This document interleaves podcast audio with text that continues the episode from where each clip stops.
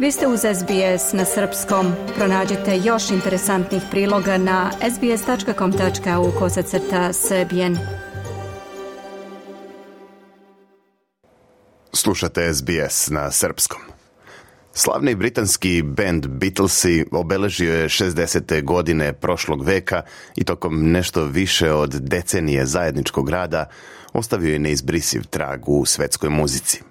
Svojom pojavom doneli su pravu revoluciju u svetu rock'n'rolla i po mišljenju mnogih postali su najuticajnija muzička grupa 20. veka. Iako legendarni sastav koji su činili John Lennon, Paul McCartney, Ringo Starr i George Harrison zvanično ne postoji još od decembra 1974. godine, njihov posljednji single pod nazivom Nekad i sad – zvanično je objavljen prošle sedmice 2. novembra.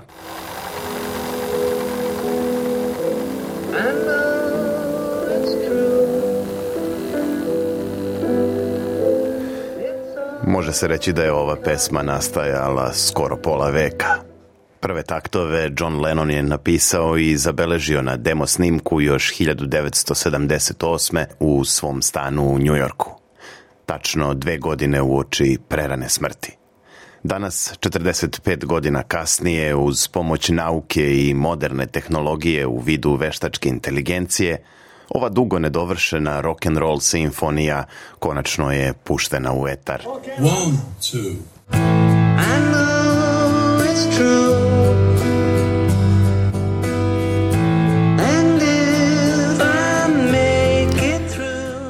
Ideja za produkciju i objavljivanje ove pesme potekla je od Pola McCartneya kada je 1994. od Lennonove udovice Yoko Ono dobio kasetu sa nalepnicom na kojoj je pisalo Za Pola. Na staroj traci bio je Lennonov demo snimak za pesmu Nekad i sad, kako kaže sin legendarnog muzičara Sean Ono Lennon, ovaj snimak budi najljepša sećanja na njegovog oca. do remember at Sećam se da sam živeo u Dakoti s tatom i mamom. U to vreme postoje utisak da je moj otac privremeno prestao da se bavi muzikom kako bi me odgajao, što je i bilo delimično tačno, u smislu da nije išao na turneje i da nije ispunio ni jednu obavezu prema izdavačkim kućama, ali uvek je svirao u kući. Stalno je pravio demo snimke i sećam se da je to radio na kasetofonima.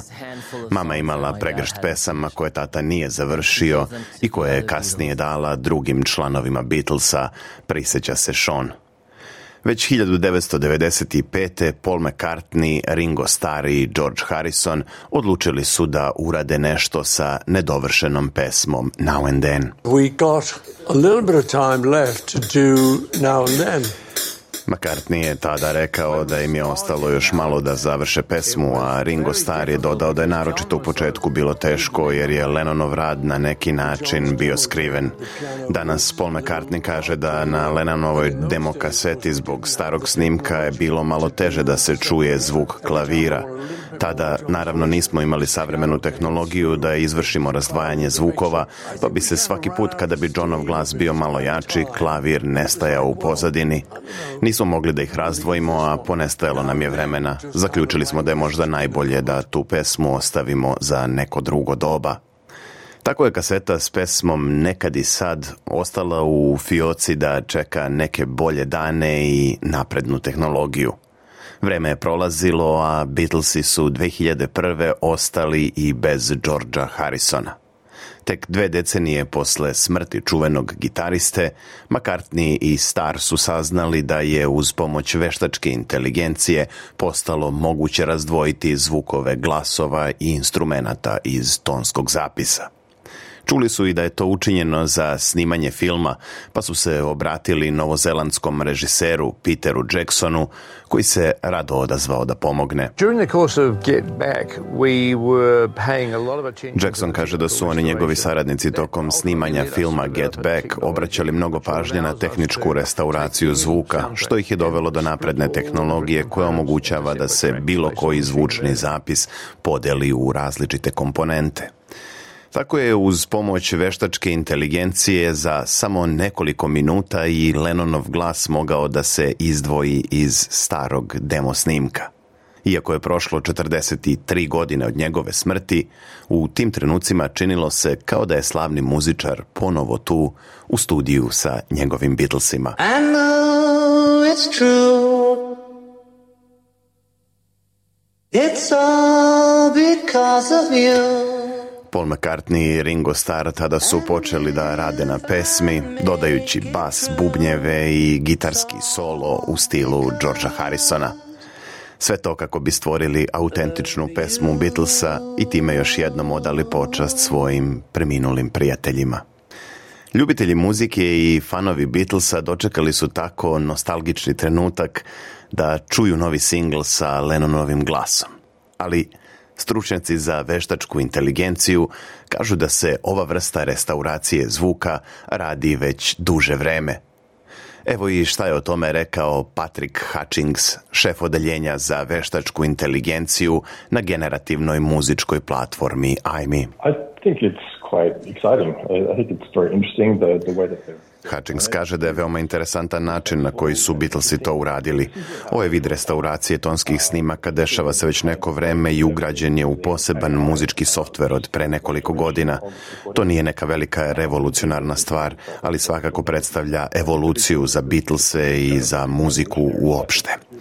Što se tiče budućnosti odnosa između veštačke inteligencije i mainstream muzike, Hutchings kaže da iako se radi o uzbudljivom napretku, rizici ipak postoje. Definitivno postoji etička zabrinutost u vezi sa pravcima u kojima muzika i veštačka inteligencija mogu da idu. Značajne teme za razgovor bit će transparentnost i atribucija, kao i kreativna ekonomija. Potrebno je pobrinuti se da ljudi koji su svojim radom doprineli bilo kom vidu muzike dobiju plodove uspeha te muzike, bez obzira na to da li je veštačka inteligencija bila uključena ili ne.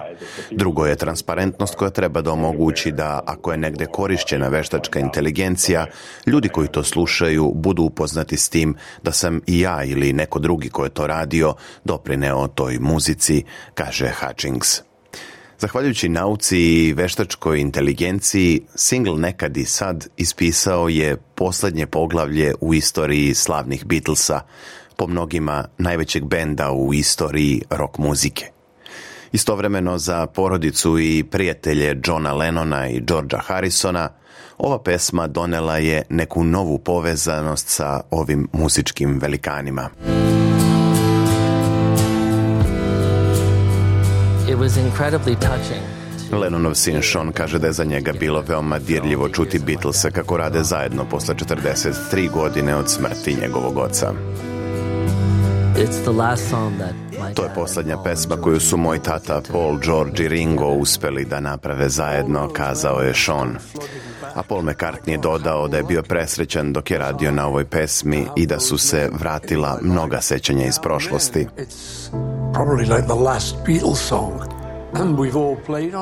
Srećan sam što sam imao te ljude u svom životu. Nekad i sad je verovatno posljednja pesma Beatlesa i svi smo je svirali, a rekao je čuveni Paul McCartney. Autorka ovog priloga je Kiara Hein iz informativne redakcije SBS-a. Vi slušate program na srpskom. Ja sam Branko Cvetojević.